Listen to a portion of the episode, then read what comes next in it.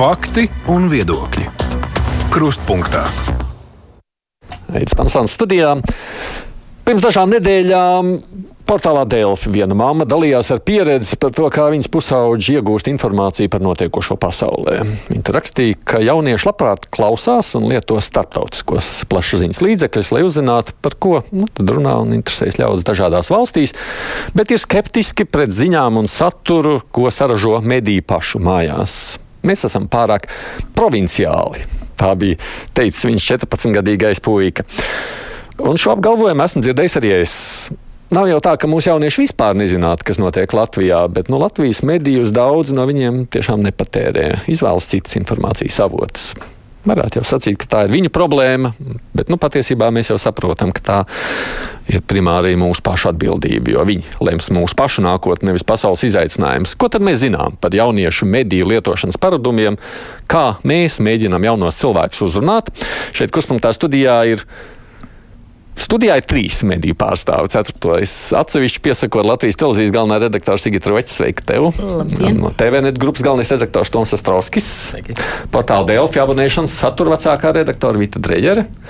Nu, un attālināt mūsu studijā pieslēdzies Latvijas radio 5 programmas direktors Kārlis Kazāks. Labdien! Labdien! Nu, pie telefona savukārt šobrīd ir Nacionālo elektronisko plašsaziņas līdzekļu padomas locekle Ieva Kalderauska. Halo! Jā, labdien, halo! Labdien! Ja jūs taču pasūtāt pētījumus par to, kādi ir tie mediju lietošanas paradumi, cik daudz mēs zinām par to, tātad vispār primāri, es domāju, tīpaši pusauģu studentu vecuma auditoriju, ko viņi dara? Uh, jā, uh, pagājušā gada vasarā mēs veicām uh, kārtējo pētījumu par Latvijas iedzīvotāju mēdīju satura lietošanas ieradumiem dažādās vecuma grupās, un viena no vecuma grupām bija arī uh, 16 līdz 30 gadi, ko mēs saucam, nu, droši vien pa jauniešiem. Uh, un uh, šie, uh, šie pētījuma rezultāti uh, apliecināja to, ka mēs varam secināt uh, to, ka jaunieši ir nu, daudz atvērtāki uh, patiešām jauniem satura patēriņa veidiem un arī platformām. Valodas zināšanas un prasmes informācijas tehnoloģijās faktiski paplašina informācijas iegūs iespējas.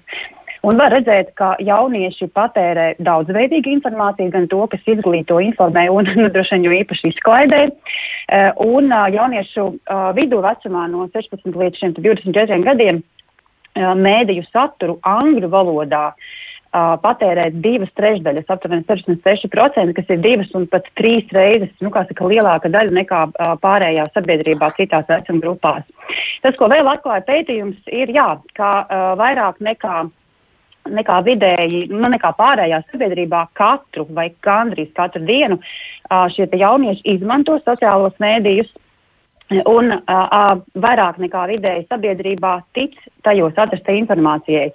Un vēl, lai gan jaunieši aptuveni puse katru dienu izmanto internetu ziņu portālus, tas ir mazāk nekā pārējā sabiedrībā, un ikdienā salīdzinoši ļoti maz skatās televīziju un klausās rādio, taču vienlaikus kas ir interesanti, lielāka daļa nekā vidēji pārējā sabiedrībā atzīst, ka to uzskatus un viedokli ietekmē tradicionālie plašsaziņas mēdīji. Un, ja runājam uh, par šiem plašsaziņas mēdījiem, kas ir nu, tādi mēdīji, kas no sociālajiem mēdījiem atšķirās ar ar to, ka uh, tiem ir, nu, zināmā mērā tāds atbildīgi uh, un ar uh, žurnālistisku pieeju veidot saturs, tad, uh, tad jauniešu vidū, uh, jauniešu vidū Tātad tiek izmantots un populārākais ir Delfī, TV3 un Latvijas radio. Uh, salīdzinājumam sabiedrībā kopumā populārākā ir Latvijas uh, televīzija. Un, ja mēs runājam par sociālajiem mēdījiem, piemēram, tad uh, ar absolūto vairākumu vispopulārākais ir Facebook, taču arī Facebookā jauniešu vidū populārākie avoti, kas uh, tika minēti mūsu pētījumā, arī bija uh, Facebook konti, kas ir Delfī, LSM uh, un uh, TVNet. Uh, savukārt, uh, ja runājam par uh, vēl sociālajiem mēdījiem, tad uh, uh, pēc Facebook seko, uh, pēc Facebook seko uh, Instagrams, uh, YouTube uh, un, uh, ne, otrādi Instagrams, jā, YouTube un YouTube un TikToks. Uh, savukārt ir populārāki nekā sabiedrisko mēdīju uh, konti sociālajos mēdījos. Uh, un, uh, jā, nu, un, protams, ka arī šie YouTube konti, uh, kas, ko jaunieši izmanto, protams, atšķiras no tiem kontiem, ko izmanto kopumā, uh, kopumā visa sabiedrība. Un, uh, un, nu, tas, jā, nu, droši vien tam ir savi iemesli. Tas, ko es varu mm, varbūt vēl piebilst, kas, manuprāt, arī ļoti svarīgi, ka jaunieši, neskatoties uz to, ka viņi ļoti daudz patērē sociālos mēdījus, un um, un nedaudz mazāk tradicionālos mēdījus, ka jebkurā gadījumā vairāk nekā vidēji sabiedrībā jaunieši uzticas Latvijas ziņu avotiem, kam sako rietumu ziņu avotu, un tas ir vairāk nekā vidēji sabiedrībā. Vairāk nekā vidēji sabiedrībā jaunieši uzticas Latvijas televīziju un Latvijas rādio, kas ir arī, manuprāt, uh, nu, vērā ņemams un ļoti pozitīvs uh, secinājums. Uh, ko es varu secināt, ka tad, tad sociālajos mēdījos lielākā daļa informācijas nu, tiek pasniegta, varbūt vienkāršākā, attraktīvākā, un uh, tā ir pieejamāka tajās platformās, kas tiek biežāk izmantotas, proti, telefons, kā saka, vienmēr par rokai un tā. Līdz ar to tādā veidā, acīm redzot, arī ir lielākas iespējas um, uh, piesaistīt uh, jauniešu uzmanību. Okay. Man bija viens jautājums, bet es viņu tomēr atstāšu saviem studijas viesiem. Man liekas, ka tam tas būs piemērotāks. Es saku paldies Nacionālajai elektronisko plašsaziņas līdzekļu padomus loceklei Ievai Kalderauskai, nu, runājot par to pētījumu, kas ir viņu rīcībā zinu, nu, pieejams. Uh, Kā tad jūs paši pētāt savu auditoriju gal galā? Nu, man mazliet, protams, šeit mulsināja, ka te no 16 līdz 30 gadiem, jo nu, tādā jauniešu vidē tas ir pamatīgi atšķirība. Skolēns, students un pie 30 gadnieks, kurš jau patis jau ģimenes cilvēks un strādā, vai ne, ne mm, īsti mm, gribētu sirdī jauns. sirdī jauns vēl, jā. Īsti salikt kopā negribētu. Par uzticību es vēl saprotu, vai ne? Gal galā viņas tur māca mediju pratību, laikam skolās vairāk nekā mūsu pieredzējušos cilvēkus cilvēks. Bet, bet tas jautājums pats par sevi ir aktuāls. Es skatījos tā pēdējā ziņa, tā tad Latvijas populārāko, kas ir Delfi mediju, patērē nu, vismaz reizi nedēļā mazāk nekā puse, arī vecumā līdz 30. Un, nu, gandrīz pusi saka, viņi nekad nav iegājuši tādā portālā un palasījuši par pārējiem, nerunājot. Jūs pētāt savu auditoriju, kāpēc uh, nu, kāda daļa nemaz neinteresējās par jums un kā viņas var uzrunāt? Mm, godīgi jāatzīst, ka pēdējā laikā vismaz par tiem pētījumiem, par ko man ir zināms, mēs vairāk esam pētījuši to auditorijas daļu, kas uh, izvēlas vai arī neizvēlas patērēt uh, to saturu, ko mēs piedāvājam kā abonējumu. Mm -hmm. Tā tad, uh, kas prasa Par vēl. Cilvēks vēl gatavs maksāt. Jā, kas, kas, kas prasa tādu vēl uh, lielāku uh, apņemšanos vai, vai, vai nodošanos mm -hmm. uh, šī, šī mēdī saturam. Un šajā gadījumā man jāsaka, ka mēs pētām tiešām gan tos, uh, to auditorijas daļu, kas patērē, gan tos, kas, kas nepatērē, un tad mēģinām saprast, kas ir tas, ko viņi sagaida. Vienlaikus eh, šajās eh, atbildēs eh, ko arī mums bija iespējams iepazīties. Mēs nu, tur varējām aizgūt arī informāciju, kas būtu noderīga arī tā satura -hmm. veidotājiem, kas, kā saka, nav aiz atslēgas, kas, kas nav aiz maksas sienas. Bet, vai, ja tu man vaicātu, vai mēs kaut kā apzināti izdalām tieši jauniešu auditoriju, Nē, jā. tad, tad nē. Kāds izdala? Nu, labi, Latvijas radio 5 man gribētos domāt, ka izdala vai ne, Kārli? Jā, mēs, protams, par šo tas ir mūsu ļoti karsts diskusiju nu, jautājums par to, kur dzīvo jauniešu auditorija un, un kā tā uzvedas. Un ir pilnīgi skaidrs, ka, ja mēs runājam par Latvijas radio 5 pēc nosaukuma, kā radio, tad radio ēteris nav tas, ko, nu, ko jaunieši vispār patērē.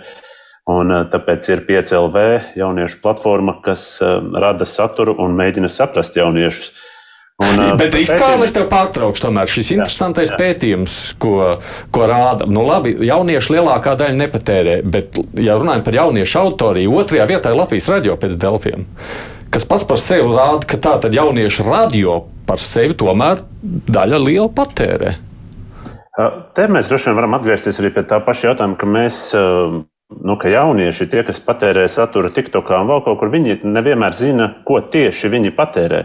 Jo viņi seko līdzi, piemēram, atpazīstamai sejai, kas stāsta lietas, un jaunieši īsti nezina, no kurienes tas cilvēks ir, kas tas ir. Un tad, kad viņiem prasa, viņi, viņi teiks, nu jā, tur laikam radio personība. Ja radio, tad laikam Latvijas radio. Uh, Nē, nē, aptaujā rāda, ka viņi klausās radio kaut kādā brīdī.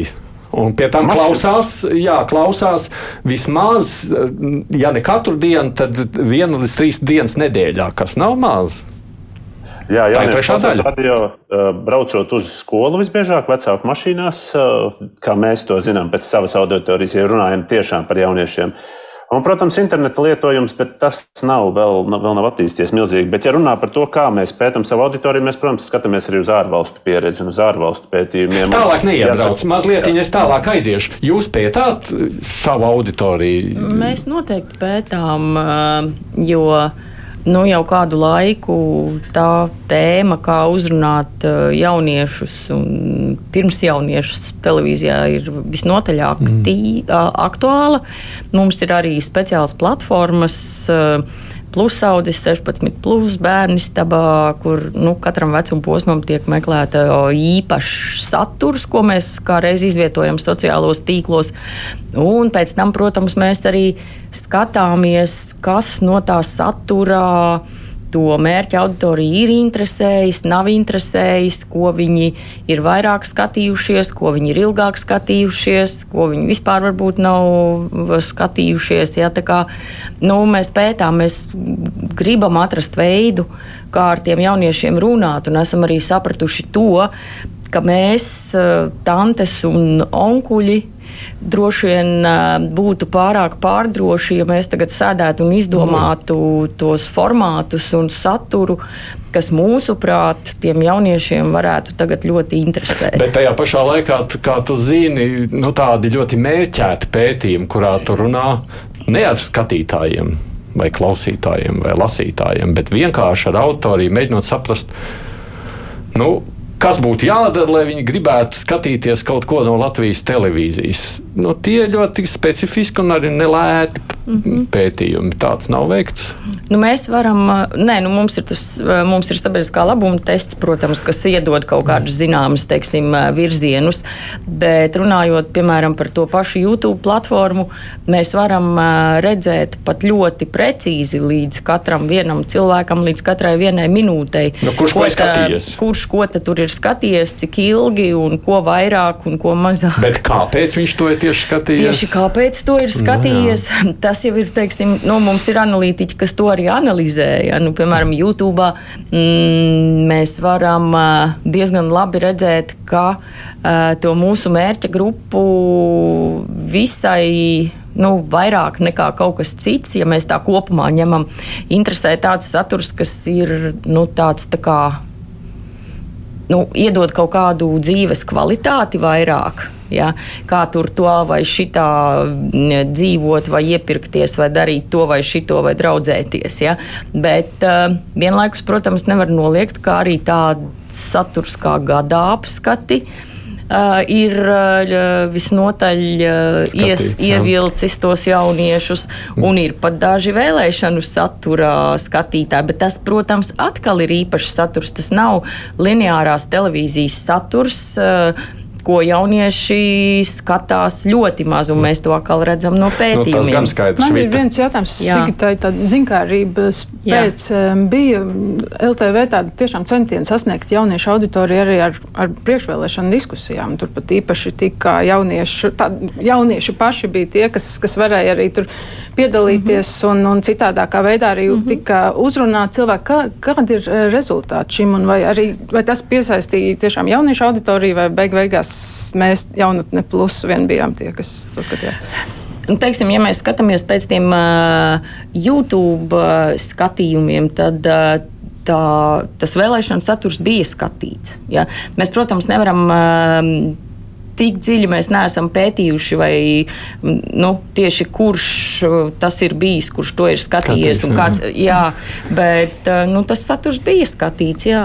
Un, turklāt tas bija arī tas saturs, kurš brīžam bija skatīts salu, salīdzinoši pat nu, tā iesaista lielāka nekā dažam labam citam saturam. Es zinu, ka to man būtu tev vēl jājautā, bet es vienkārši gribu izmantot situāciju, kamēr mums ir iespēja sazvanīt. Tāpēc es ar tevi mazliet to sarunu atliekot. Viss vienkārši tā. Tad, kad es biju uzaicināts uz Siguldas valsts ģimnāziju, tur stāstīt skolēniem par žurnālistu profesiju, tad man minēja, ka ģimnāzijā ir viens puisis, kurš zina, ka grib kļūt par žurnālistu un arī mētiecīgi tajā virzienā dodas. Un viņš esot vienīgais tāds, kurš palīdzot arī citiem skolēniem interesēties par notiekošo Latvijā. Tad, nu, lūk, mēs esam arī viņu šobrīd sazvanījuši. Tā tad runa ir uh, Maris Priekulis no 12. klases. Maris, halo, vai tu mūs dzirdi? Jā, es jūs dzirdu. Labdien. Paldies, ka varējām izraut mazliet no stundas ārā ap, uz aprunāšanos. Es vispār pareizi saprotu, tu tā kā arī ceri strādāt televīzijā, vai ne? Jā, šobrīd ir tā, ka mans mērķis uh, ir pēc, pēc skolas pabeigšanas uh, studēt universitātē žurnālistiku un, jā, aktīvi jau darboties medijos un šobrīd jau to cenšos izdarīt arī vēl esot uh, skolas solā. Mm. Mēs šodien studijā mēģinām saprast, kā uzrunāt tavu vecumu jauniešu, runājot par tām kas notiek Latvijā un vispār ziņām. Un daudz kas liek domāt, ka vienaudži labprāt uzzina ko, kaut ko par notiekošo pasaulē, bet mazāk lieto Latvijas medijus. Kāpēc, tavuprāt, tas tā ir? Jā, manuprāt, šeit ir uzreiz, es domāju, sarunas sākumā jāuzsver, ka jaunieši nav kaut kas ļoti tāds, nu, tāda kopīga grupa. Arī jauniešiem ir daudzas un dažādas atšķirīgas intereses, un tas nozīmē arī medijiem dažādus pieejas līdzekļus, jā, arī tradicionālos. Pirmkārt, vēlētos nosaukt, ka šobrīd eh, nozīmīgā sociālo tīklu ietekme jauniešu, jauniešu ikdienā, tad tas ir Instagram un TikTok. Uh, un šeit mēs runājam par tātad, uh, gan Latvijas, gan arī pasaules medijiem. Uh, jaunieši ziņu mediju saturu uztver netieši. Tātad, esot sociālo tīklu lentē, blakus izklaides saturam, un tur arī tātad ir šis ziņu saturs. Protams, ir jāuzsver tas, ka tēmu lokus, par kurām rakstīti, ziņu rakstīja un ziņu saturs, arī dažādi videoklipi, sižeti, angļu valodā ir krietni vien plašāks. Tātad jaunietis ar kādām specifiskām interesēm visticamāk rakstu m, atradīs uh, par sevi interesējošo tēmu angļu valodā. Um, savā jauniešu draugu lokā uh, veicu nelielu arī tādu kā socioloģisku aptauju par iemesliem, kādēļ tad jaunieši varbūt nepatērē tik daudz šo mediju satura, arī latviski. Un uh, šeit ir ļoti arī tāds interesants secinājums arī man, uh, proti jaunieši atzīst, ka mediju nozīme ikdienā pastiprināsies, kad uzsāks patstāvīgu dzīvi. Uh, proti, tātad uh, šobrīd varbūt uh, šis ziņu saturs nav varbūt pats pats aktuālākā šī prioritāte arī sociālos medijos, bet līdz ar pieaugšanu tad arī kļūst tas aktuāls. Un jaunieši arī atzīst, ka tad, kad vecāki atsūta kādu ziņu rakstu, tad viņi to tiešām ķeras klāt un izlasa. Un arī pētījumi pierāda to, ka aptuveni 65% jauniešu aktuālo informāciju lielākoties iegūst no vecākiem. Tā kā vecāki šajā vecuma posmā ir tāds kā ziņnesis uh, savā, uh, savā ziņā. Bet, tavuprāt, vajadzētu medijiem, tradicionālajiem medijiem Latvijā būt aktīvākiem, TikTokā, Instagramā? Jā, jā, es domāju, ka šī, šī, šī ir tā sfēra, kur, uh, kur Latvijas mediju varētu piestrādāt vēl vairāk. Es jau nosaukšu pāris tiešām jau ļoti labus uh, medijus un, un, uh, un piemērus, proti Latvijas radio arī gan Instagram, uh, LSM savukārt TikTok vidē, turpat arī Latvijas radio 5, LTV ziņu dienas 16 plus saturs. Tas viss ir labi, bet tomēr, uh, manuprāt, šim saturam ir jābūt vēl tādam, nu, kā teikt, dzīvīgākam, dinamiskākam un jā, arī regulāram. Jo arī šis te, nu, tas, ka jaunietis, piemēram, TikTok vidē dienā pavada aptuveni pusstundu vai 40 minūtes, tas nozīmē, ka arī medijiem ir jābūt tikpat aktīviem un šis saturs jāpiedāvā jaunietim.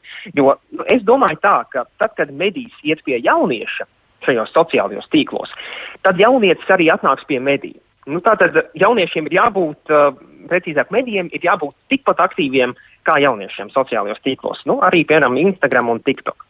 Un te es varbūt uzreiz vēl minēšu to, ka, manuprāt, ļoti labi pasaules medijos strādā īsi videoklipi. Angļu valodā tos mēs saucam par uh, explainer, tātad videoklipi. Tās ir aptuveni 30 sekundes, bet ļoti vieglā, dinamiskā un arī vizuāli pievilcīgā un audio, audio pievilcīgā veidā mēs izstāstam jaunietim par kaut kādu notikumu, par kādu svarīgu tēmu vai izskaidrojam kādu jēdzienu. Nu, tā tad ir vēl ir jau ļoti labas iestrādnes, bet es domāju, ka ir vēl arī, kā teikt, vieta uzlabojumiem arī sociālajos tīklos. Paldies, Maris! Paldies Maržam Priekulim no Siguldas valsts ģimnāzijas, um, izrāvjot viņu no latviešu valodas stundas ārā, bet interesanti dzirdot, vai ne, no tāda jauniešu skatu punkta. Man šeit radās vairāk jautājumu, bet pirms es viņus uzdodu, tā kā Toms vēl nepaspēja pie vārdu tikt, skatoties tajā aptaujā, ko Nepop minēja, TVNet ir visnepopulārākais no mūsu klātesošajiem medijiem. Viskāds skaidrojums, kāpēc jums visgrūtāk jaunieši izdodas uzrunāt? Nu, es nevarēšu atbildēt uz tādu jautājumu, bet tad, tad ir jāpēta daudz, daudz dziļāk, regulārāk un bet, sistemātiski. Bet uh, tas, ko es uh, varbūt ātri gribēju repliku par nepilnu pētījumu, 16, 30, tas noteikti nebūs tas pareizais vecums. Es teiktu, pavisam noteikti no 7, 14, 15, 24, 25, 35 vai 34. Tas visticamāk dod daudz selektīvāku un precīzāku skatu uz sadalotu vecumu grupām. Tas gan jā. Uh, bet uh, attiecībā uz uh, mūsu auditorijas pētīšanu, jā, es pavisam noteikti varu pievienoties Vitai. Proti, jā, liels akcents ir uz abonentiem. Uz abonentiem, kas lasa, ko lasa, kāpēc lasa. Un, un tas ir tāds pamatīgs nu, fokus. Tas ir tāds iekšējs fokus, tāpēc, ka jums jāsaprot, kā jūs varat nopelnīt naudu. Jā, tāpēc, ka reklāmas biznesa attiecīgi nu, tam jā, nav liels perspektīvas tādā ilgtermiņā. Un, un, protams, ka tas ir uz to ir fokus. Bet, manuprāt, runājot par jauniešiem, ir, ir tādi, ir tādi varbūt tādi divi aspekti vai divi, latviski runājot, izējas izējas punkti. Um, Proti, kas ir jāsaprot, varbūt kas ir tāds atskaites moments, proti, ka pirmkārt jaunieši, kas ir tie paši 7, nezinu, 25, nu, pie, pieņemsim. Mm -hmm. Tie ir faktiski tādi digitālie pamatiedzīvotāji, kas no bērna kājas ir izmantojuši internetu un visu, kas saistīts ar internetu. Tas nozīmē arī spēles un arī, protams, informācijas patēriņš, uh, kas kas nozīmē, ka viņi vēlas tagad, tūlīt. Respektīvi, tie ir vairāk tādi faktoloģiski atskaites punkti, kad ir jāsaprot, ka viņi grib tagad, tūlīt, tas, ko minēja arī um, Maris. Maris jā. Proti, ka ja kāds patērē no jauniešiem, nu, pēc viņa versijas 30-40 minūtes, pieņemsim TikTok vai Instagram, tad medijiem ir jāiet ciemos, un par to nav šaubu, ka ir jāiet ciemos. Bet, ja tas ir tagad, tūlīt, tad tas nozīmē konstanti. Tātad stundas griezumā, 40 minūtēs obligāti jābūt prezencei sociālajos tīklos, jebkuram medijam. Tas prasa anormālo resursu. Tas nav iespējams faktiski. Bet to var izdarīt lielie rietumu valstu mediji. Varbūt sabiedriskie var Bet, nu, un otrs aspekts, otrs aspekts, kas ir, ir mums teiksim, nu, nosacīts, tradicionālajiem medijiem visam noteikti nav jāpielāgojas jauniešiem, jo jaunieši ir faktiski tādi paši, kādi mēs bijām jaunībā. Tā tad nav nec trulāki, nec gudrāki, viņi ir aptuveni plus mīnus tie paši, bet, bet tās viņu, viņi nevēlas kā tradicionālajie mediji sevi degradē vai pasniedz vienkāršoti sarežģītas lietas. Viņus interesē faktiski veids, kā un platforma. Platforma tātad mobilā ierīce, visticamāk, sociālā tīkli. Otrs, kā, nu, tas jau ir formāta jautājums. Proti, tad mums ir jā, jā, nevis jāpiedāvā ziņas, kas tev ir jāzina, jo tas ir svarīgi, bet kāpēc tas tev ir jāzina? Kas, kāds labums tev no tā būs? Vai tas ir nezinu, informatīvais status draugu lokā, vai tas ir karjeras iespējas, vai citādi? Es teiktu, ka šie divi momenti ir vienkārši jāpieņem kā fakts un izējot no šiem Nu, tad tālāk ir jāmeklē veidi, kā. kā? Un šis būtu tāds subjektīvs, Kārlis, došu tev vārdu lietu, bet šis būtu tāds subjektīvs skats uz to visu. No vienas puses mēs sakām, jā, nu, viņi pilnīgi noteikti viņus nevajag par muļķiem un viņiem ziņas vieglajā valodā, kā mēs sacītu, pasniegt, vai ne? Bet nu, no otras puses. Iespējams, ka vienai daļai vecākā paudža, paskatoties tas, kādā veidā uztver jaunieši, sacīt, oi, viņiem taču ir ziņas vienaglajā valodā. Tas jautājums, kā mēs uz to skatāmies un kurš uz to skatās. Kārli, nu, es tev pārtraucu, tāpēc, ka es teicu, ka es pie tevis atgriezīšos. Nu, radio 5 pēc idejas ir mērķēts uz jauniešu auditoriju. Tas ir jūsu mērķis, misija tajā visā. Un ko tad jūs esat secinājuši, kā tad var uzrunāt? Nu, tas ir ļoti labs eh, jautājums. Radio 5 tiešām ir jāuztver nu, jau kā divi dažādi lielumi. Viens ir lineārais ēters, un otrs ir multimediālā satura programma, kas ir pilnīgi divas dažādas lietas, kurās dažādi jātop saturam. Bet uh, mums ir gana plaša pieredze satura veidošanā, un tas ļauj paskatīties uz to, kas un kā strādā un kas nestrādā. Un, uh, un jāsaka, ka ir Mēs vēl joprojām atduramies pie tā paša, ko mēs dzirdam visur pasaulē, ka strādā saturs, kuru pasniedz populāri cilvēki. Tā, tā, tā sakošana tik un tā ir cilvēkiem. Mums atliek ielikt vienalga kādu satura video ar kādu šī brīža aktuālāko, populārāko cilvēku. Tas strādā, tas iet, un mēs dabūsim klikšķus, bet vai mēs šādā veidā būsim iedevuši saturu? Tas ir cits jautājums. Cik no trenerim Kauperam, ne, viņš vairs nav īstais. Nezinu, kādam tādam jaunietim klausās. Roģiks. Roģiks. Cik no viņām būtu jālasa ziņas? Ja? Apmēram tā, apmēram nu, tuvu tam. Un es, es zinu, ka nu, nav noslēpums, ka Latvijas televīzija ir 16, plus arī iet šajā virzienā, ka tie ir tie jauniešu vidē populārie cilvēki, kas, kas to dara un kas veido šos sižetus. Un, un, protams, ka šādā veidā mēs piesaistām jauniešu auditoriju. Vai mēs šādā veidā nu, Es, es tiešām es, man, man patīk tas, ko Toms teica. Nu, nevajag uzskatīt jauniešus par kaut kā citādiem, nekā mēs bijām. Nu, tā kā mēs bijām bērni, tad nezinu, vai žurnālos laba vai nezinu, zīlīt, arī rakstīja drausmīgi gudrus rakstus par politiku. Um, tajā auditorijā, kas ir jauniešiem, ir, ir specifisks saturs. Tur nevajag gaidīt iekšpolitiskos uh, nu, iztirzājumus. Un, un, uh, un tas, tas, tas liek domāt, ka ka patiesībā jau mēs visi esam uz pareizā ceļa, un kā Maris precīzi atzīmēja, vajag tikai nu, vajag vēl, vajag vēl turpināt, iet uz priekšu un, un darboties. Tas jautājums par vajag, vajag vai nevajag arī no es vienas pirms, puses. Pirms tam, es, tad, kad biju tajā vecumā, nezinu, 12, plus, es uh, lasīju avīzi, bet pirmkārt tāpēc, ka, nu jā, mums mājā bija vecāki pasūtīti, tas viens tāds vecāku faktors, bet otrs, nu tā laikā nebija tāds informācijas, un pat ne informācijas, bet satura pārsātinājums, jo mums bija televizors, bija krietni mazāk kanālu, tad bija ļoti liela iespēja, ka pa televizoru neko prātīgi nerādīs. Jā, ārā iet negribējās, tad uh, varēja paņemt avīzi un uh, lasīt. Šobrīd tas informācijas uh, pārsātinājums, protams, ir, uh, ir milzīgs. Tā, tas ir tas, tas lauks, kurā, kurā mums šobrīd ir jākonkurē. Protams, ka vai, jā, vai nav. Tas es domāju, ka, es domāju, ka, ka ir jākonkurē arī tā iemesla dēļ, ka Toms. Uh, nu, tagad man jau sajūta, vai tas bija šajā diskusijā, tad, kad tā jau sākās, vai pirms tam, kad mēs runājām, bet Toms teica, ka nu, tā ir mūsu nākotnes auditorija. Un nav tā, ka, ka mēs tagad gaidām, gaidām, gaidām, gaidām un, jo šobrīd mēs runājam par 16. Viņa varbūt arī uzvedīsies, kā Maris teica, viņam, viņš aprunājās ar vienu auģi, viņa teica, nu, tad, kad es iešu dzīvot viens pats, tad sākšu klausīties vai skatīties. Vai lasīt. tad es vēl atkāpšos dažus gadus senā pagātnē, kad es pasniedzu žurnālistiku augstskolā. Un mans eh, viens no lielākajiem pārsteigumiem bija tas, ka, ka es uzzināju, ka jaunieši, kuri studē žurnālistiku, paši nu, galīgi, galīgi, galīgi negrib lasīt ziņas.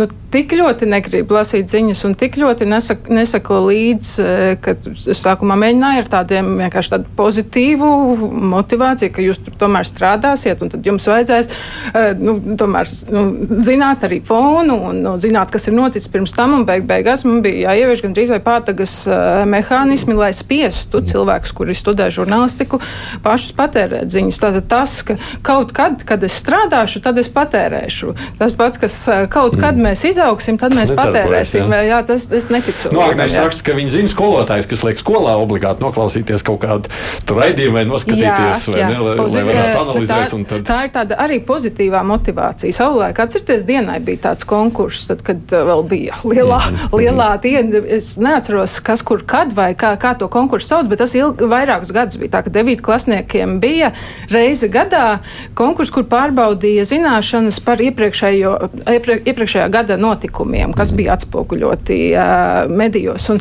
un to laiku es arī biju to, to devītu klasnieku tajā paudzē, un mums skolā tik tiešām bija katru nedēļu jāsagatavo pārskats par notikumiem uh, iepriekšējā, nu, aizvadītajā nedēļā svarīgākajiem. Un, un cik es zinu, arī citās skolās tā bija, jo tajā laikā mums bija svarīgi tur piedalīties un labs rezultāts. Padomāju, kā bija politinformācija, arī bija skolēniem. Viena lieta, manuprāt, ka šobrīd. Uh, nu, vismaz cik liecina mm, manas saskarsme ar uh, jauniešiem, ka ir diezgan būtiski tas, ka viņiem nu, ir tas jautājums, uh, priekš kam Ja? Un tad ir um, tad jau, um, ja viņi saprot, ka tā ir pirm, nu, tā kā kaut kāda emocionāla vai humāna vajadzība, kā mēs redzam Ukraiņas gadījumā, ļoti daudz jauniešu pati sociālos tīklos, runājot arī ar savi, savu bērnu draugiem un paziņām, ja? tas nebija, tur nebija neviens jāpiespiež interesēties par Ukrainu, ja? jo tur bija šī emocionālā, humānā, vispār cilvēciskā vajadzība. Mēs ļoti labi zinām, ka jauniešus interesē klimata problēmas jautājums. Tur viņi arī saprot to jēgu priekš kam. Ja? Bet tad ir jautājums, vai mēs mākam uh, pateikt tam jaunajam cilvēkam, priekš kam viņam ir jāzina, ka premjerministrs ir Kariņš. Ja? Viņa dzīvē tas varbūt neko nemaina, ka viņš ir karīgs. Kamēr izaugs nebūs ja? un, un tad ir jautājums, nu, vai mēs mākam to pateikt, un vai to vajag pateikt, bet varbūt, ka nevajag. Varbūt pietiek ar to, ka mēs priecājamies, ka viņi, nezinu, ir tik kaismīgi Ukraiņas aizstāvji, ja? vai klimata aizstāvji, vai kā. Varbūt, ka nevajag ar varu spiest, varbūt viņi aiziet pie pie tā, ka vienā brīdī viņi saprot, ka tā politiskā vide ir būtiska, vai ekonomika ir svarīga, vai, nu, Un, bet nu, varbūt tas ir tas jautājums, varbūt vai tas vajag. ir pratības jautājums. Es jautāju, vajag vai nevajag. Varbūt tas ir pratības jautājums. Jā. Nav jau arī tās pratības uh, īpaši mācītas mums nekādas. Mēs jau, jā, saki. Nē, nu, kā, man, man šķiet, ka te ir arī, protams, tāds vairāk filozofisks raksturs, bet tāds rietumu civilizācijas fundamentāls jautājums. Proti, mēs, uh, teiksim, kā mediji. Mediju būtība ir kāda aizstāvēt un pārstāvēt sociālās sabiedrības uh, dažādas grupas, respektīvi rūpēties par labumu daudziem vai vairumam. Savukārt, jaunieši ir ļoti, nu, tie paši jaunieši, nezinu, sauksim viņu par to pašu paudzi, pieņemsim. Uh, viņiem, uh, vismaz pēc mana priekšstata, viņi ir ļoti egocentriski. Un šajā gadījumā pozitīvā nozīmē, jo tas eventuāli individu labums sabiedrības teiksim, kopējā vektorā dos labumu. Bet uh, medijas rūpējas par visiem pa lielam. Nu, tā skatoties abstrakti. Uh, savukārt jauniešu skats uz pasauli ir nu, tas pats priekš kam. Kāpēc man tas ir svarīgi? Man tas noderēs kur? Uh, draugu sarunās, lai es esmu vismaz bišku informēts par to, ko runā draugi. Vienalga spēles, politika. Vienalga, ka kaut kas cits, vai tas ir karjeras kontekstā, ja, ja tā ir vidusskola, kad sāk domāt par to. Un, un te varbūt ir tā, tā nu, tāda nezinu, disonance, kad uh, mēs rūpējamies par daudz sociālajām grupām jaunietim tas neinteresē. Viņu interesē, kāds man no tā būs labums, kā, kā es gūšu kaut ko no tā, ko jūs man dodat. Respektīvi, jautājums, kāpēc man tas ir svarīgi, priekš kam un vispārējā. Nu, tas jautājums jau bija aktuāls arī, mēs zinām, Latvijas radio 5, jau radio 5 kontekstā. Tās ir bijušas diskusijas, man liekas, iepriekšējos gados diezgan daudz. Vajag likvidējam, mēs tur tērējam kaut kādu naudu jauniešu uzrunāšanai. Priekš kam? Kāpēc tas ir vajadzīgs? Varam ietaupīt noderēs pensijām. Tas ir jautājums, kas ir. Mēs redzam, viņš jau nav īsti līdz galam, man liekas, tā pilnībā pazudis no dienas kārtības, Kārli.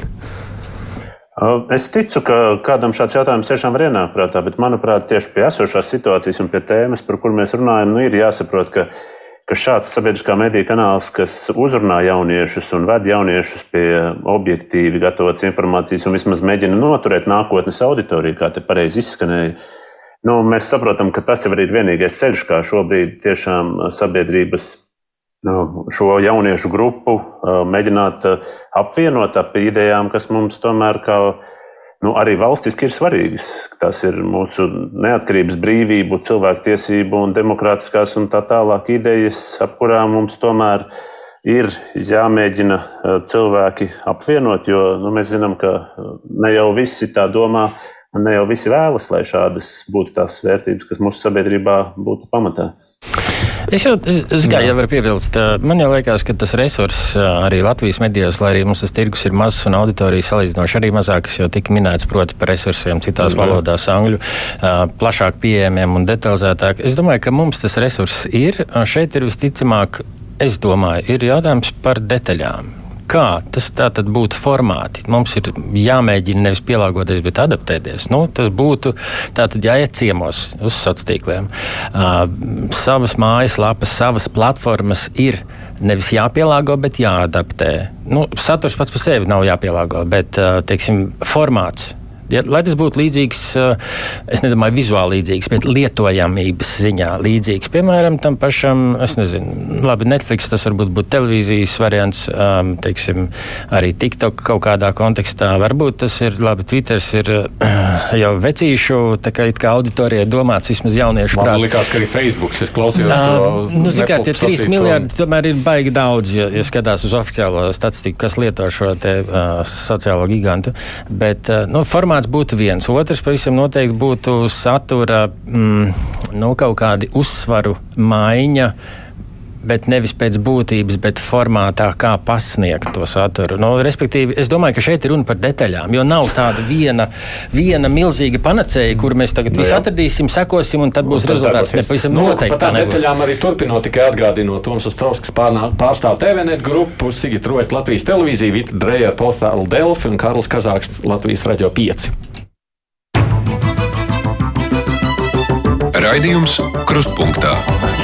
Tas, ko sacīja gan Māris, gan būtībā to mēs lasījām arī tajā Delfa viedokļa rakstā visā pārējā, tas, ko dara starptautiskie mediji, acīm redzot, sekmīgāk, veiksmīgāk, kāpēc viņi vairāk panāk jauniešu uzmanību, ka viņi ļoti aktīvi ar speciāli pielāgotiem video rullīšiem, īsiem audio, ar īsiem kaut kādiem tāda veida rakstiem, pastāvīgi esot tajās sociālos tīklos, spēj pievērst jauniešu uzmanību.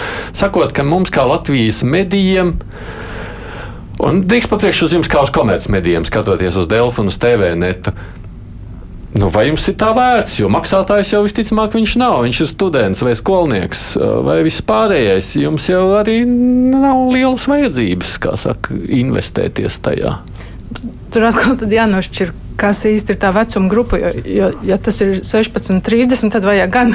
Tad vajag gan. jā, tad, tad vajag gan. Un mēs jau nu, lē, nu, lēnāk jā, nekā lielie mediji, bet mēs jau arī ejam tajā virzienā. Vienkārši tas tik tiešām nozīmē papildus resursu, jo tie nav tie paši cilvēki, No kas, jā. kas veido vienu saturu un, un šo uh, sociālo mediju tādiem algoritmiem un uh, nu, jā, uztveramībai uh, pielāgot saturu. Mēs lēnām cenšamies to darīt, bet kamēr uh, nu, mums ir krietni mazāk šī satura, ir ļoti labi, ka ir kāda jauniešu daļa, kas patērē tiešām šos uh, respektētos un, un, un neatkarīgos starptautiskos medijus. Par to es uh, neskumstu. Uh, tā, tā konkurence jau dzen arī uh, mūsu priekšu. Jo es uh, vēl, vēl vienreiz laikam, uzsveršu par to, ka tiešām nu, tā ir tā mūsu nākotnes uh, auditorija. Mēs īsti nevaram tā rēģēt, ka nu, tā, tad mums jūs nevajadzēja, bet tagad, kad jūs varat beidzot mums kaut ko samaksāt, uh, tad, tad mums tā kā tomēr uh, jūs esat vajadzīgi. Jāinvestē laicīgi, jā, tas saka. Bet, nu, pieņemsim, skatoties tajos pašos pagājušā gada datos, izskatās, ka Delfa to izdara divreiz vairāk nekā TVNet. Jā, datos tā tieši tā arī izskatās. Jā. Jā. Bet, uh, nu, Resursi, protams, ir viens, otrs, uh, runājot par tām pašām detaļām. Nu, tur ir nepieciešama, protams, mērķtiecīga stratēģija, kā to darīt. Jo sākotnēji jau, teiksim, ja runājam par vecumu grupu 7, 14, nevar teikt, ka tas būtu triviāli, trivializēti, bet uh, skatoties, ko piedāvā televīzijas, piemēram. Nu, tas ir multfilms pa lielam. Tie ir varbūt kaut kādi raidījumi. Es neesmu ļoti precīzi informēts par sabiedriskā mediju piedāvājumu, atvainojiet, bet, bet skatoties uz komercmedijiem, tā kā tu jautāji Jā, par komercmedijiem, tas ir tāds nu, pamat absolūtais līmenis, kur tu vienkārši trūli sēdi un skaties.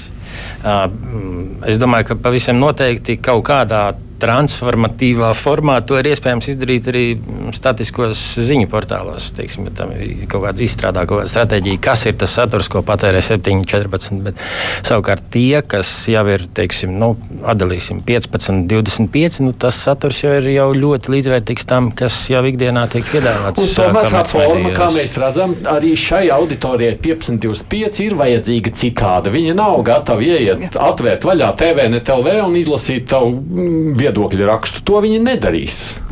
Jā, nu, tas viedoklis jā, ir jāpublicē labi. Ne ik pēc 40 minūtēm, bet nu, vismaz reizi dienā. Jā, tas nozīmē, ka uh, nevis vienai personai, bet tas ir atkal resurss. Tas nozīmē, ka daudzi dara. Um, publicē šos viedokļus, ja mēs pieķeramies tieši konkrētam piemēram, uh, tad to ir iespējams izdarīt. Nu, uh, tas nebūs raksts. Nu, jā. Jā, nu, tas, būs, tas jau būs, tas gan, tā gan būs tāda pielāgošanās. Manā skatījumā tas nav nepieciešams. Runājot pieņemsim par Latvijas televīziju. Nu, lielā mērā tas ir mūsu kopējais sabiedrisko mediju jautājums par naudu. Mēs visu laiku pīkstam, nu, nu, ko pīkstam. Mēs jau redzam, tās naudas ir tik, cik ir. Mēs jau redzam, ļaudis mužīgi zvana brīvajā mikrofonā, sūdzās atkal atkārtojums, atkal jums tur atkārtojums. Nu, vai tad ir iespējas vēl investēt šādā, kas ir diezgan arī, manuprāt, tāds naudas patēriņa jautājums. Mm, Būtībā, lai to darītu ļoti nopietni un tik intensīvi, cik tas nu, būtībā būtu nepieciešams, un visās platformās, kur tas būtu nepieciešams, tā tiešām ir uh, naudas jautājums. Mm. Ja būtībā tas saturs ir jārada uh, pavisam cita, pa jaunu. Pa jaunu tur jāstrādā vienam cilvēkam jā, ar esošo jā. saturu un jāpārstrādā. Tu nevari paņemt, piemēram, panorāmu, sagriezt mazos gabaliņos, izmētāt pa tīkliem un uh, cerēt, ka tagad visi jaunieši tagad skatīsies, kas tur vakar notika, nezinu, Mārupē. Ja? Uh, nu, tur ir vajadzīgas tās citas formas, un mēs jau varam teikt, ka mēs gribam to jaunieti pieredzināt pie tā tradicionālā mēdīja, bet es nezinu, vai tas pienāks un tur, tur nu, vai tas izdosies. Un varbūt tas pat nav tik daudz jautājums par um, vecumu šobrīd, bet par to, ka tas jaunietis no bērnības ir pieredzējis pie šīm īsajām formām, ātrajām bildītēm, īsajiem video. Ja, čik, čik, čik, viss ātri notiek, tur par to es pasmiešos, par to paraudāšu, ja šitam padraudzēšos. Ja. Viņš jau vairs nespēja varbūt arī pat noturēt to uzmanību, lai noskatītos, teiksim, gāru, skaistu ziņu, sīžetu, astoņas minūtes, pieņemsim. Ja, ja, viņam, ja viņam pirmās 30 sekundes neaizdraus, ja, tad viņš arī neskatīsies. Tā kā tur ir ļoti daudzas lietas. Mēs domājam arī par to televīzijā, ka mēs tagad varētu veidot, teiksim, nu, um, tie, lai jaunieši taisa jauniešiem aizvien vairāk, ja, ka tur ir speciāli, teiksim, um, viņiem vieta, kur viņi var darboties, eksperimentēt, mentoru klātbūtnē, mācīties montēt un, un, un, un, un scenārijus un vispārējo. Tāpēc, ka nu, tā ir cita citādāk mazliet nekā mēs līdz šim esam strādājuši. Mēs esam pilnīgi pārliecināti, ka mēs nekādā lineārajā televīzijā vairāk jauniešus nedabūsim, un mēs par to necenšamies darīt. Mēs, mēs strādājam tiem, kurus interesē skatīties televīziju. Jums arī vispār nav tāda cilvēka, vai tikai cilvēks, kurš sēž un to pašu panorāmas sižetu sataisa un pārtaisa pa jaunu, lai palaistu viņus tik tālu. Nē, nu, mums ir sociālo eh, cilvē, tīklu cilvēku pietiekami daudz katrā redakcijā, kuri strādā tieši uz uh, sociālajiem bet, tīkliem. Bet, bet viņi ieliek tos veselos gabalus pat tajā pašā. Nē, YouTube. ir arī tādi, kas taisa Tais, pilnīgi jaunus gabalus. Mm -hmm. Mums, piemēram, nezinu, ir cilvēks, kurš uh, brauc ar savu telefonu līdzi kaut kādiem korespondentiem, kuri taisa sižetu panorāmai, viņš vienkārši sataisa maziņo, ko ieliek kaut kādos tīklos. Ir tā, jā. Mm. Bet tas nav ar mērķi tieši konkrēti jauniešiem. Tas ir ar mērķi, lai mēs uzrunātu to auditoriju, kas nu, dzīvo pa sociālajiem tīkliem, neatkarīgi no vecuma. Tā jauniešu auditorijai tur mums ir speciāli projekti, kas nav pārtaisīti panorāmā. Kā ir par radio pieckārli, tur cilvēki, arī, kas strādā speciāli ar nu, to, lai pielāgotu saturu tādam TikTokam vai Instagramam. Mums ir vesels viens sociālo tīklu cilvēks, kas, kas rūpējas par mūsu satura iz, izvietošanu sociālos tīklos. Bet te viena lieta neizskan, kas, manuprāt, ir ļoti būtiska. Mēs runājam par īsiem fragmentiem, bet ir ļoti svarīgi, lai šie fragmenti ved pie satura. Ir ļoti svarīgi, lai jaunietis, tad, kad viņš ieraudzīs īso fragment, kas viņu uzrunā, lai tas aizved pie satura. Teiksim, tik, tikko bija pilns internets ar Marijas Luīzes mēģinājumu attiekšanos no lielā kristapa. Mēs visi to redzējām, jauniešus tas uzrunā, jaunieši skatās. Man jautājums, kur viņi nonāk? Vai viņi nonāks pie raksta par to, kas tad īsti ir par situāciju, kas nav pieņemts, kāds likums un kāpēc ir šāda aktrises reakcija? Vai tomēr mēs vienkārši aizvedam uz lielāku kristapu kaut kādu fragment apskatīties un neko vairāk arī nu, neiegūstam par šo tēmu? Nu, šis ir svarīgi salikt kopā to, ja mēs to jaunieti ievelkam ar šo īso sižetu, lai mēs viņu varam aizvest pie, pie pilnvērtīgāka satura. Un tas ir tas, kā pēcnieks šobrīd mēģina strādāt. Protams, būtu ļoti skaisti, ja, tā, ja tas būtu teiksim, novērojams plaši un daudz. Respektīvi, ja kāds, teiksim, vienalga Dēlķis, Sēms vai Dēvenets vai jebkurš cits ieliek saturu kādā no sociālajām platformām, ka tas jaunietis vai lasītājs jaunietis apskatās un tad vēl aiziet un izlasa saturu portālā. Mm. Nu, nē, nu, standartā nē. Es domāju, ka tā, tā varbūt, tas, varbūt, tas būtu jauki, bet tā, tas, es neteiktu, ka tas ir mērķis, jo te ir atkal tas pats moments ar jauniešiem, tas, kā mēs redzam, nosacīti. Mēs eh, redzam ziņas. No tev ir jāzina, tāpēc, ka tas ir svarīgi, bet te uzreiz jaunietim pretī, kāpēc? Ka, kam, priekš kam? Un te ir tas jautājums, reiz, kāpēc man ir jāiet uz kādu portālu un jāturpina lasīt. Tātad, ja man to spiež, tad es to nedarīšu. Nu, respektīvi, vecums, nu, pusauģa vecums kaut vai nu, teiksim, tādā aspektā. Tāpēc man, man šķiet tas būtiskais, ko Sigita minēja, proti, jauniešu iesaistību jaunieši, nu labi, tas nebūtu jaunieši jauniešiem, ne tik triviāli, bet. Uh, Protams, kvalitātes kritērija un, un arī zinām latiņa ir, bet uh, tas noteikti tas nav atslēgas moments, bet tas kā viens no, es domāju, ka tas ir būtisks. Uh, nu, tāds etaps vai tāds konstanti visu laiku ikdienā to uzturēt, līdzīgi kā. Mm, kurš minēja, Kārlis laikam minēja par to, ka vai labāk kādreiz bija uh, politikas ziņas. Nu, ir kaut kāds tāds junioru variants, tad ir kaut kāds pārējais posms, un tad ir tradicionālajie mediji. Uh, bet tas, ka mums, protams, jebkuram vienalga sabiedriskie vai komerci, ir jāiet līdz laikam un jāadaptējas, nu, par to vispār nekādu šaubu nav. Un, protams, ka jaunieši ir galvenā auditorija, un tā ir arī tā pati nākotnes auditorija, kas iespējams kādreiz kļūs par abonentiem, par lojāliem abonentiem, par lojāliem lasītājiem, vēlams ne tikai vienam ziņu zīmolam, bet vairākiem, bet uh, nodrošināt kaut kādu konkurenci. Bet, uh, viņu iesaistē, jā, kā, kaut vai kā priekšzīme. Nu, teiksim, skaidrs, ka tam rezultāts nebūs ne tagad, ne šogad. Bet, uh, Varbūt kādreiz būs. Droši vien jau, ka te būtu vairāks aspekts, daudz lietas, ko jūs minējāt, un tā ir kaut kādā mērā arī valsts politika, vai ne? Cik viņi vispār interesē uzrunāt jauniešus vai nē. Nu, mēs tādu baigi lielo interesi neesam līdz šim redzējuši, vai ne? Tikai no 18, tad, kad ir vēlētāji, vēlēšanas tiesības. Un pat tāda man liekas, ka arī varētu būt diezgan skeptisks, ļoti līdzīgi tajā sadaļā. Protams, te kāda piemina arī vecāku lomu, un tas jau neapšaubām ir tā. Mārmums raksta, jauniešiem ir jārada interesants, īsāks materiāls par kādu notikumu, tik tā dēļ.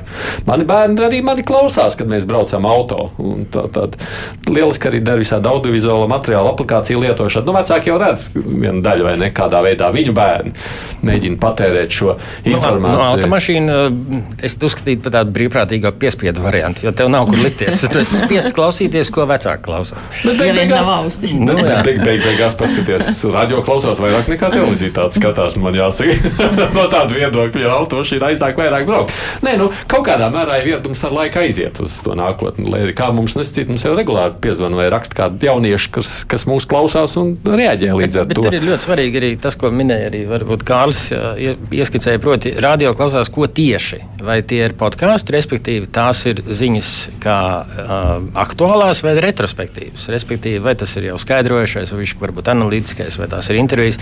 Respektīvi, radio kā tāda lineāra, kur tu sēdi un klausies, nu diez vai. Tāpēc būtu ļoti interesanti tos datus uh, saskaldīt un analizēt sīkāk. Tagad viena subjektīva lieta, ko ne, nav lāga vienmēr darīt šeit no vadītāja krēsla, bet mans bērns vidējais, kurš ir 9. klases skolnieks, man tikai pēc dažiem mēnešiem teica, jā, tēt, es tev katru dienu noklausos, ne katru reizi, katru nedēļu noklausos divas puslodes. Viņam interesē starptautiskie, bet viņš noklausās podkāstā Spotify. Viņu, uh -huh. nu, kas nozīmē, ka, o, paskaties, tādam 9. klasniekam, un tas ir 50 minūtes, 52 minūtes garš raidījums. Viņš spējīgs tomēr klausīties. Nav tā, ka viņam var pusminūtēm vajag, ja viņš ir gatavs noklausīties un sameklēt to visā. Tas nozīmē, ka droši vien jau tās nu, tas veids, kā uzrunāt, ir jāatrod. Bet um, nu, tajās nu, vajadzība, minūtēs... ir, vajadzība ir tieši tāda pati, kāda bija mums un kāda ir bijusi iepriekš. Respektīvi, būt apritē, būt informētiem. Jautājums ir, kā jo vajadzība nav zudusi un arī nezudīs. Nu, tie ir tā cilvēciska komunikācijas sociālā vajadzība. Te vēl tas, eh, kas man liekas, ka arī nav um, īsti pareizi par šiem jauniešiem runāt kā par vienu kaut kādu mm, grupu. grupu. Ja? Mm. Tāpēc, Jā. kā tev, piemēram, ir dēls, kurš klausīsies 50 minūtes um, puslodes tieši tāpat kā varbūt vēl 3000 citu jauniešu. Ja? Un tad ir atkal tie, kuri nekad mūžā neklausīsies, jo viņus interesē pavisam pavisam kaut kas cits. Ja, kā, saku, arī runājot par jauniešiem, mums, nu, tas ir tieši tas pats, kā runājot par jebkuru cilvēku. Mēs nevaram, teiksim, arī nu, protams, jā. nu, vienkārši jaunieši, tā tad visi jaunieši grib traļaļā. Nu, nav tā. Jaunieši ir mm, ar dažādām interesēm un vēlmēm un vajadzībām. Nu, jums jau citādi man liekas, ka viņi interesē traļaļā. Bet, ja runājam par atgriežoties pie visām pārējām lietām kopumā, tajās pēdējās minūtēs, nu, kas ir tas, ko jūs redzat kā mediju savā tālākajā virzībā. Ko jūs domājat? Nedomājat kaut ko lietas labā darīt, uzrunāt? Ir vērts investēt arī jums vairāk kaut kādā brīdī, vai mēs pagaidām ļaujamies tam ritējumam? Nu, Katrs no savu mediju. Mums tas skatoties. ir pienākums, mēs to darām un turpināsim darīt. Un ļoti, ļoti meklējam veidus, kā, kā, kā, kā runāt ar jauniem cilvēkiem. Kā? Ideja, man liekas, pēc uh, um, game statistikas plus mīnus, es neatceros precīzi, bet auditorijas apjoms bija līdzīgs gan Teventam, gan Delfiem. Kaut kur 11 līdz 20, mm. dažreiz mazāk. Uh, kas ir vecuma grupa 7, 14, 15, 25. Nu, tur tur bija varēja dažādos, bet es ļoti precīzi arī neatceros, bet uh, bija līdzīgi. Uh, bet tas pavisam noteikti ir zem vienas piekdaļas no kopējās auditorijas, vai pat tur bija bišķi arī vairāk septītā daļa. Un, respektīvi, mazs skaits. Protams, ka par to ir jādomā, bet, ja kāds zinātu ļoti precīzi, ko tieši vajadzētu, vai drīzāk tādu lietu kopums, Tas būtu ļoti skaisti, bet uh, principā jau ir tā, ka nav tikai šī nav Latvijas tikai problēma. Tā ir starptautiska, uh, vismaz rietumu civilizācijas mediju problēma, proti, kā piesaistīt uh, ar informāciju tagad, tūlīt un faktiski konstanti. Uh, un, jo te ir tie, tie paši divi aspekti. Tas ātrums, būt konstanti klātesot, klātesamība konstanta ar ziņām uh, un vēl spišku pielāgotā formātā. Un otrs, kur? Un sociālā tīkli visu laiku ir veidojās, viņi gūst popularitāti, tad viņi zaudē. Šajā gadījumā TikToks ir tāds uh, savdabīgs hibrīds, jo tas ir piederošs Ķīnai. Uh, bet uh, divas lietas - ātrums un kur. Nu. Bet, nu, Un tas nozīmē, ka, teiksim, piemēram, skaties, ja TikTokā, TikTokā ir viens formāts, Facebookā ir cits formāts, Instagramā ir kaut kas pa vidu. Tev ir nu, faktiski katram, ja grib tam nopietni pieiet, vismaz viens cilvēks uz katru Uz sociālo tīklu. Tas ir sociālo, kā protams, minimums. tā jā. Tā lieta. bet tam ir jābūt cilvēkam orķestrim. Tātad viņam jāspēj montēt, viņam ir jāsaprot, viņam jābūt žurnālistikas pieredze, respektīvi viņam ir jābūt mediju profesionālim. Komercmedijiem to izdarīt ir sarežģīti. vai ne? Tā varētu būt, vai ne? Ja, mums ir labā sociālā tīkla komanda, kurā jau ir vairāki cilvēki un ar, ar, ar pieredzi visā šajās minētajās lietās. Bet es gribētu teikt, ka mūsu izaicinājums jebkurā gadījumā ir strādāt pie tā, lai mūsu saturs ir pēc iespējas mm, vieglāk uztverams un pieejams tiem cilvēkiem, kuri dzīvo digitālajā pārsātinājumā, ir arī pat digitāli noguruši un, un uh, negrib neko vairāk kā izklaidējošu uh, saturu pārsvarā video. Un tie ir ne tikai uh, jaunieši, teikšu, kā, kā ir. Līdz ar to tas viennozīmīgi ir mūsu izaicinājums. Jaunieši ir viena no šīm grupām. Un tad ir vēl papildus lietas, kādas, piemēram, mēs joprojām domājam par mūsu uh, jauniešu izglītošanas projektu. Mums jau vairākus gadus ir bijusi tāda skoliņa, storīgrama, kur pēc tam arī jaunieši paši veido materiālus uh, nu, tādā sev uh, vieglāk pieejamā un attraktīvā veidā. Tāpat es ne, nevelti minēju to piemēru ar dienu un to pozitīvo motivāciju, to konkursu. Es tagad arī Delfos saku, kāpēc mēs nevaram uh, kādā šādā veidā arī mēģināt uh, piesaistīt uh, jauniešu auditoriju. Uh, nu, tātad mēs, mēs domājam par to, un, protams, ka arī sociālo tīklu saturs, uh, so, sociālo mediju saturs not, noteikti tā ir un būs viena no Es vēl prioritātēm. Kārlim Grotmanam nepilnu minūti paliku skārli. Jā, paldies. Nu, Piecinieks, protams, ka turpina darbu, lai attīstītos multimediālajā virzienā. Un, un arī mūsu DJ skolas, nu jau jauniešu apmācības notiek iesaistot viņus nu, multimediju satura veidošanā. Bet tas, kas te neizskanēja un kas ir svarīgi, droši vien visiem vēl saprast, ka ir ļoti būtiski reiķināties arī ar to, ka saturu šobrīd ļoti bieži uh, padara populāru tas, cik par to tiek maksāts. Un te, nu, uh, jāsaka, godīgi, mēs kā droši vien maza sabiedrība neesam pārlieku daudz gatavi maksāt par to, lai mūsu radītais saturs eh, parādītos pēc iespējas vairāk jauniešiem. Bet tā tad nākamajai, nākamajam redzējumam tēma. Jā, nu, es īstenībā pabeidzot napuļojot, sacīt, prasītos, droši vien sarunāt ar nepalpu vai vienkārši ar politiķiem, kas vienreiz ieguldītu tādai kvalitatīvā pētījumā, sarunās ar vienkārši pusauģiem jauniešiem, lai saprastu, ko kā viņi dara, un tad meklētu kādā veidā pēc tam atbilstoši reaģēt, jo tur ir vajadzīgs nevis tikai mūsu tāds subjektīvs sajūtas, bet nu, tāds kvalitatīvs pētījums. Karls Kazāks, Latvijas radio 5 programmas direktors, Toms Strauskas, TVNet grupas galvenais redaktors Vita Drejer, portālā Delfa atbild par abonēšanas saturu un Sigita Roķa, Latvijas televīzijas galvenā redaktora. Paldies jums, ka atnācāt. Mums rīt kruspunktā ir amatpersonu stunda, tad būs satiksmes ministrs Jānis Vitenbergs. Mēs vēl tiekamies arī raidījumā pieminētajā divas puslodes šodien, kur šoreiz runāsim tāds mazāk pieminēts temats. Vispirms saistībā ar Brexit vienošanās pārskatīšanu, kas šajās dienās ir notikusi. Eiropa ir ļāvusies piekāpties Britu prasībām pārskatīt šo Ziemeļīrijas protokolu un arī parunāsim par Ķīnas svārstīšanos piegādāt Krieviem kaujas dronus, kā rietumi mēģina ietekmēt arī Ķīnas lēmumu. Producēju šo raidījumu Evi Junām studijā savukārt bija Esaids Tomsons.